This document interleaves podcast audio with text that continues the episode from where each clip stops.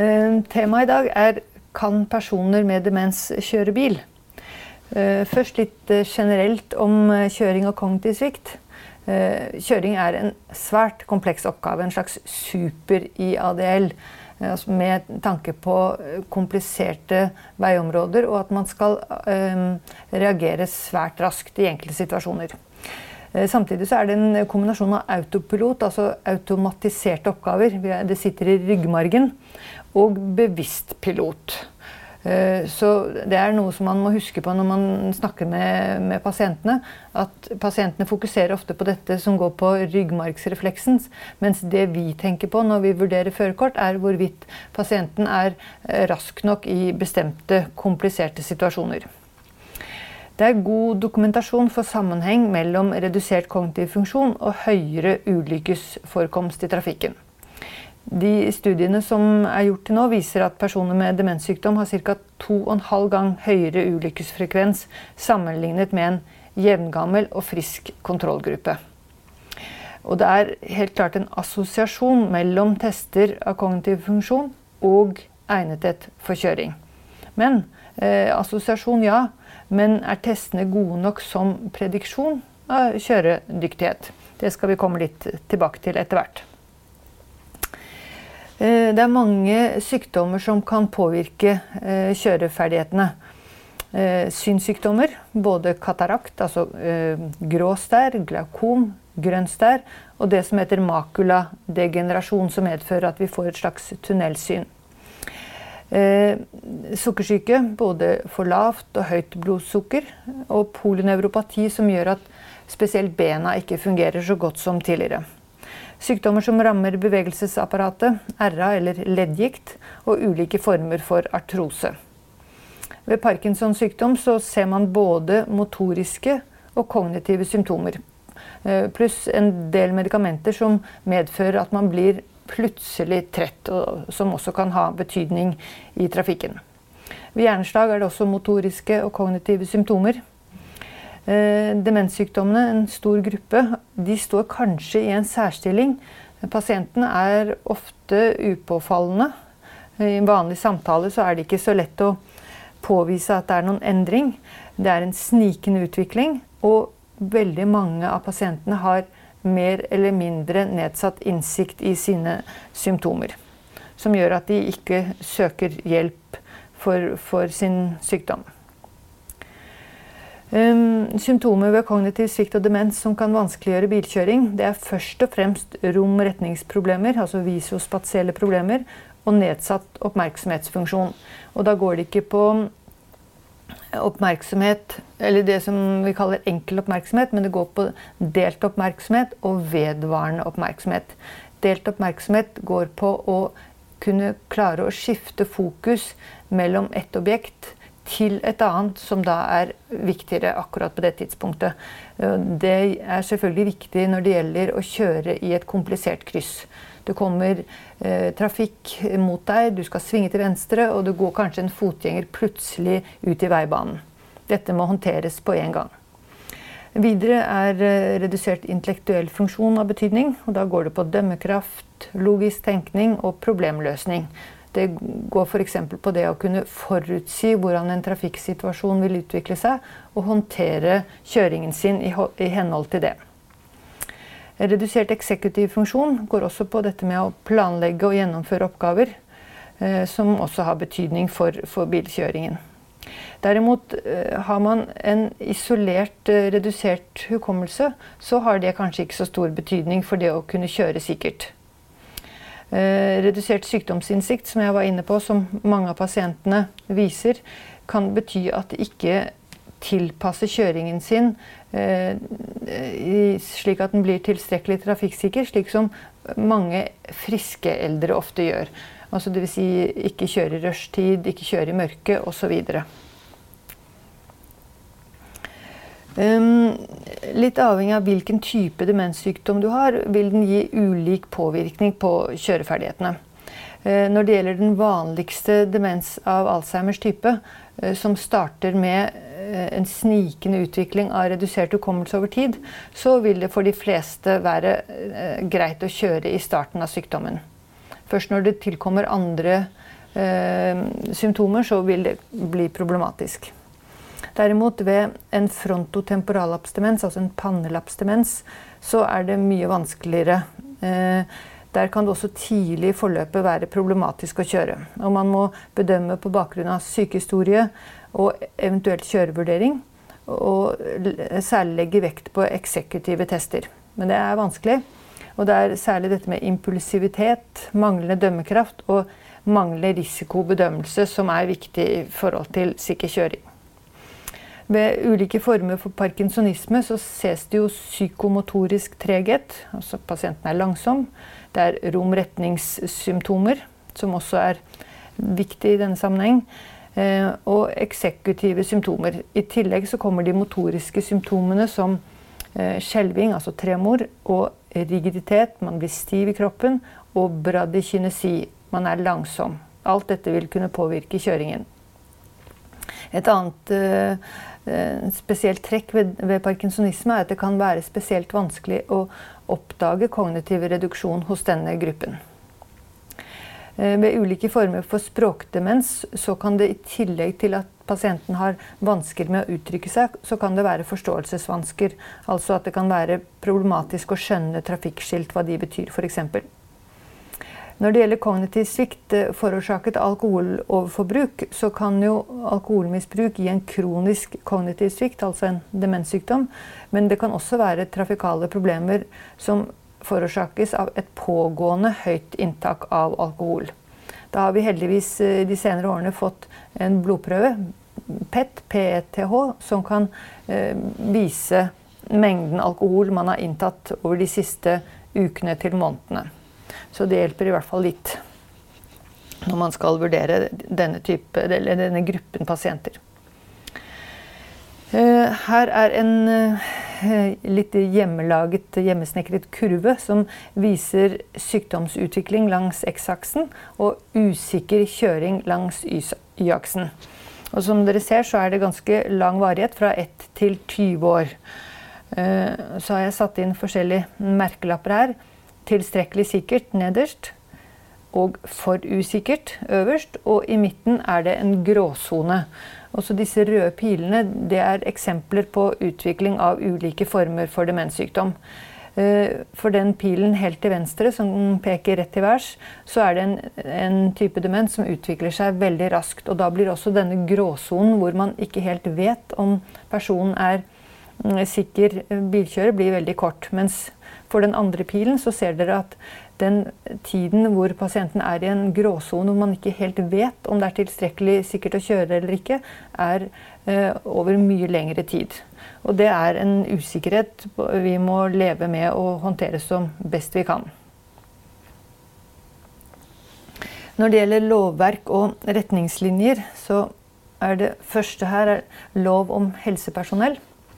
Paragraf 34. Den sier Lege, psykolog eller optiker som finner at en pasient med førerkort for motorvogn eller sertifikat for luftfartøy ikke oppfyller de helsemessige kravene som stilles, skal oppfordre pasienten til å innlevere førerkortet eller sertifikatet.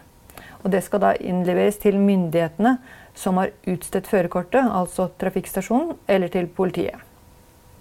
Dersom pasientens helsetilstand antas ikke å være kortvarig, dvs. Si langvarig, skal helsepersonell som nevnt, altså lege, psykolog eller optiker, gi melding til offentlige myndigheter etter nærmere regler fastsatt av departementet i forskrift. Og Der står det i denne forskriften helsetilstand med forventet varighet over seks måneder. Da er det skriftlig meldeplikt til statsforvalter og skriftlig og muntlig melding til pasienten. Hvis det er en helsetilstand med forventet varighet under seks måneder, f.eks. ved en deliriumtilstand eller ved et eh, mindre hjerneslag, da er det ingen meldeplikt til statsforvalter. Og det er muntlig, men også fortrinnsvis skriftlig advarsel til pasienten. Og da er det veldig viktig å ha et godt ø, journalnotat som bekrefter at man har gitt pasienten en advarsel. Hvordan skal vi da bedømme dette på en best mulig måte? Eh, tenk på problemet, eller tenk på at eh, en pasient kan ha førerkort, og at man må vurdere dette. Det er retningslinjer fra Helsedirektoratet. Men det er eh, jo viktig å være klar over at det er ikke noe klar grense for når bilkjøring er klart uforsvarlig. Og retningslinjene fra Helsedirektoratet ligger, legger også vekt på skjønn. Avgjørelsen må baseres på helst flere undersøkelser, vurdering over tid, og skjønn og erfaring, og da gjerne andres. Man må, kan gjerne diskutere med kolleger, for dette er jo ofte en ganske vanskelig avgjørelse. Um, her er de mulighetene man har å spille på. Uh, en legeundersøkelse, enten hos fastlegen eller hos en spesialist, Eh, dette er jo en av de tilfellene hvis dette er vanskelig, hvis pasienten ikke er særlig motivert for at man skal vurdere dette, så er jo det en grunn til å henvise pasienten til en spesialist. Eh, man skal ha kontakt med sin fastlege over veldig mange år, men man trenger ikke så mange besøk hos en spesialist, så om det blir litt dårlig stemning der, så er ikke det så, så ille. Det bør eh, gjennomføres noen kognitive tester, skal komme tilbake til det. Ehm, samtale og somatisk undersøkelse og vurdering av medikamenter. For det er jo slik at eh, hvis pasienten har en eh, mild kognitiv svikt, så vil kanskje han eller hun kunne kjøre, men dersom de har andre sykdommer som også kan påvirke kjøringen, og bruker medikamenter som, kan, eh, som også har betydning, så vil totaliteten gjøre at det ikke er sikkert å inneha førerkort. Eh, det er eh, nok i de fleste tilfeller lurt å snakke med pårørende. Det skal jeg også si litt mer om etterpå. Noen eh, bør henvises nevropsykolog for en litt grundigere kognitiv vurdering, men det trengs slett ikke hos alle. Ergoterapeuter har et standardisert apparat til å vurdere dette og kan være en god hjelp i mange tilfeller. Simulator er ikke aktuelt i Norge i dag. Det kan hende at det blir det senere. Og en praktisk kjørevurdering på trafikkstasjonen kan hos mange være til nytte. Skal jeg si litt mer om det også. Eh, her er, har jeg tatt ut fra Helsedirektoratets eh, veileder de punktene de mener man skal uh, vurdere. Samtale og kjennskap til pasient. Intervju av pårørende testing av pasientens kognitive funksjon. Da står det ved mistanke om kognitiv svikt skal gjennomprøvde tester brukes. Trail A og Trail B. MMS og klokketest kan brukes supplerende. Eventuelt spesialistvurdering, en praktisk kjørevurdering eller en ergoterapivurdering, en såkalt P-drive. Den eh, kan være veiledende, men eh, skal man ha en en eh, komplett vurdering, så må man på trafikkstasjonen for å gjøre en praktisk kjørevurdering der. Um, kapittel 6, kognitiv svikt. Um, der står det helsekrav er ikke oppfylt når svekkelse av kognitiv funksjon medfører trafikksikkerhetsrisiko. Førerkortsøkere i førerkortgruppe 2 og 3, altså lastebil og buss, skal ved mistanke om kognitiv svikt henvises til nevropsykologisk vurdering. Um, og så står det litt om komparentopplysninger. Og da anbefaler de et uh, skjema som pårørende kan fylle ut, som jeg skal vise etterpå. Og så er det dette med gjennomprøvde tester.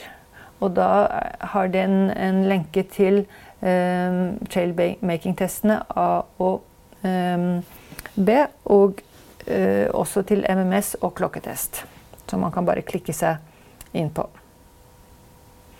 Her ser dere til making test A, som er da en, man skal trekke en strek fra 1 til 2 opp til siste tallet på 25. Og her er til making test B, som er atskillig vanskeligere, hvor man skal trekke en strek fra 1 til A til 2 til B, opp til tallet 13. Og dette skal da gjøres så fort man kan. Og da sier veilederen til Helsedirektoratet at hvis man bruker under 60 sekunder på A og under 170 sekunder på B, indikerer godkjent, og da har sannsynligvis man er, eh, kan eh, kjøre bil eh, hvis, hvis, ikke det er andre forhold. I Tvilsonen er det mellom 61 og 110 sekunder på A og mellom 171 og 300 sekunder på B og over der så indikerer det en svikt. Mm, og da står det under her ved scoring i feltet for tvil vil henvisning som regel være riktig tiltak for en vurdering av søkers kognitiv funksjon. Jeg tror egentlig eh, de mener jo at det burde stått at, burde, at, man skal gjøre en videre utredning. At fastlegen godt kan gjøre det selv, at ikke nødvendigvis trenger å henvise. Men i hvert fall at man skal gå videre og ikke bare godta det resultatet uten å finne ut hvorfor det går så langsomt hos denne personen. Her er um, kategoriene for MMS, som dere ser. Godkjent over 26 og klokketest mellom 4 og 5. Nå går jeg bare videre her og viser color trail. For det er jo ikke alle som eh, er så gode i vårt alfabet. Og da kan man bruke color trail-testene i stedet. Eh, og da skal man forbinde eh, først en rosa, og så en gul, og så en rosa, og så en gul runding. Og gjøre det også så fort man kan. Og det fins cutpoint for hva som er normalt for denne testen. Her var det jeg snakket om i sted, komparentintervju. Altså så man spør eh, pårørende hvordan de opplever kjøringen. Og det er ikke noe cutpoint her, men man får en eh, idé eller en indikasjon på om pårørende syns at dette er eh, problematisk. Eh, det er jo ikke Altså, det er ikke alltid man kan stole på det pårørende sier. Det kan være mange grunner til at de f.eks. underrapporterer. Det er bare én i familien som kjører, og hvis han eller hun mister førerkortet, så vil de ikke kunne komme seg på hytta f.eks. Og sånne ting må man alltid ta høyde for. Eh, her er et annet eksempel. En mann med Alzheimers sykdom som hadde på 68 år. Han hadde en betydelig redusert hukommelse, men godkjent kjørevurdering. Eh, så han fikk lov å fortsette å, å ha sitt førerkort. Men seks måneder senere så var han mer tiltaksløs og, og klarte ikke å håndtere egne medisiner. Og da formidlet jeg at nå kunne han ikke kjøre lenger. Og dette sa jeg først til hans uh, kone, og hun var veldig lei seg og helt uh, ute av seg og sa at dette kommer han til å ta fryktelig tungt. Um, så jeg mannet meg litt opp for å formidle dette.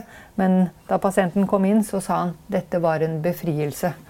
Og det er også en, en mulig uh, slutt på en sånn historie, selv om ikke det forekommer så ofte. Um, ja, dette med pårørendes opplysninger. En subjektiv vurdering. Og ønske om å beskytte pasientens uavhengighet. Det kan også være manglende evne til å registrere tapte kjøreferdigheter. Manglende evne til å kjøre selv. Eller det motsatte. Overnervøse pårørende som sier fra altfor for tidlig. Det er kanskje ikke så, så ofte, akkurat det siste der. Um, her har vi en annen syk historie, hvor tre av fire barn var meget bekymret for mors kjøring. Hun fikk kjøreforbud av meg, og førerkortet ble inndratt. Og kom tilbake blid som en sol og sa nei, jeg kjører fortsatt, bilen ruller jo av seg selv. Eh, da vi fikk det fjerde barnet med på laget, som eh, innså at dette kanskje ikke var så lurt, da, da ga hun seg. Her var det en høyt fungerende akademiker med redusert kognisjon, MMS-score på 19. Og Trail A og B var begge innenfor tvilsonen. Og barna var meget bekymret over at han kjørte, for det var veldig mye bulking. Og vi mente også at han ikke skulle kjøre, men eh, så ble det en praktisk kjørevurdering. Og da eh, besto han faktisk eh, den vurderingen. Så det kan av og til være litt problematisk at man oppnår ulike resultater på de forskjellige eh, testene eller vurderingsmetodene man, man har. Um, her har jeg satt over et stort kryss. Det er jo denne helseattesten for bilførere som alle over 80 år må ha. Uh, den skal da fornyes hvert tredje år, men nå har jo Stortinget besluttet at denne helseattesten skal bort. Uh, men det er da ikke iverksatt, så den siste um, innspill er ikke eh, sagt her, så vi får se hvordan det går. Om den fortsatt blir eh, Om man skal ivareta den, eller om den faktisk blir eh, kuttet ut. Det er litt uklart akkurat nå. Det blir spennende. Hvilken plass har vurdering av praktiske kjøreferdigheter? Det fanger selvfølgelig ikke opp episodiske symptomer. Og den som gjennomgår eller gjennomfører en slik kjørevurdering, kan jo ha flaks. Det kan være et veldig vanskelig kryss, og så kan det være at man har en bil foran seg som man kan henge seg på. Eh, mange er forferdelig nervøse når de skal eh, gjennomføre en slik eh, kjørevurdering. Det er jo i en fremmed bil, det er med sensor i uniform. Og det henger på den ene vurderingen. Og mm, testen går i ø, områder der personen ellers aldri ville ha kjørt. Man kan også ha en annen eh, seanse at eh, personen består til tross for at helsekravene ikke er oppfylt. Eh, slik at det er, det er, veldig viktig at man vurderer helsekravene først, før man eventuelt henviser til en praktisk kjørevurdering. Eh, det har jo vært noen som har eh, foreslått at man skal bare ha en praktisk kjørevurdering og ikke ha helseattest hos lege.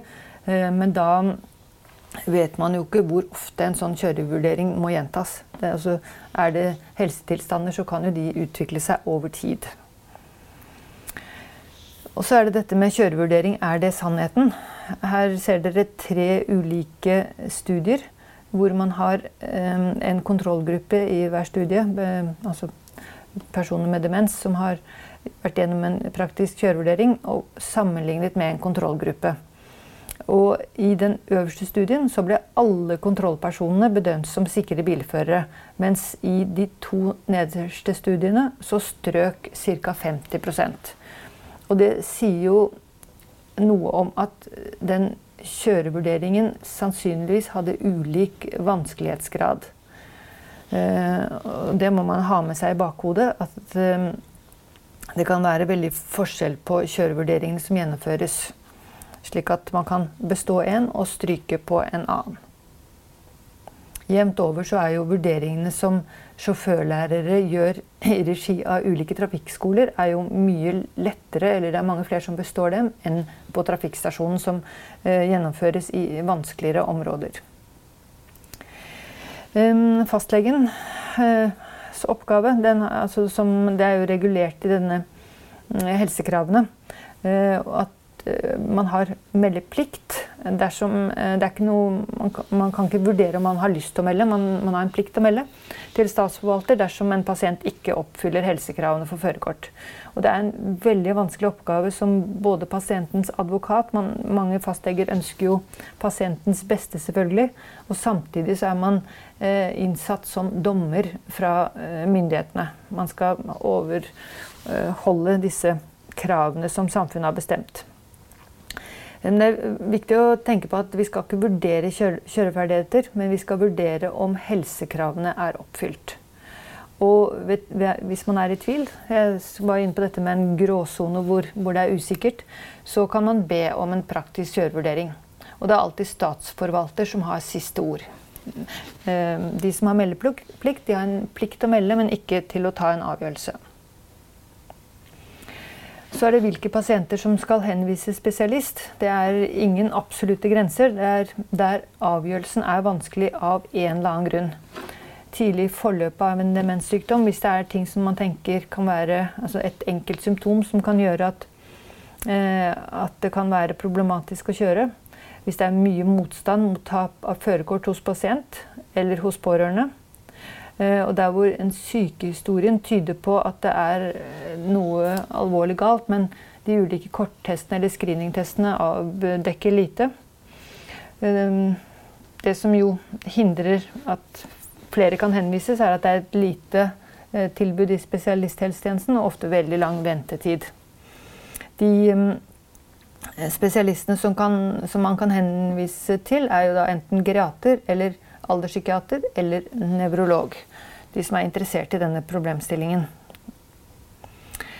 Ja, da kommet til oppsummeringen. Uh, vurdering av helsekrav for førerkort er vanskelig. og Noen tilstander har ganske klare retningslinjer. For andre tilstander må det utøves betydelig grad av skjønn. Det finnes ingen helt klar fasit. Man må bruke alle tilgjengelige opplysninger. Og det er veldig lurt å drøfte med andre.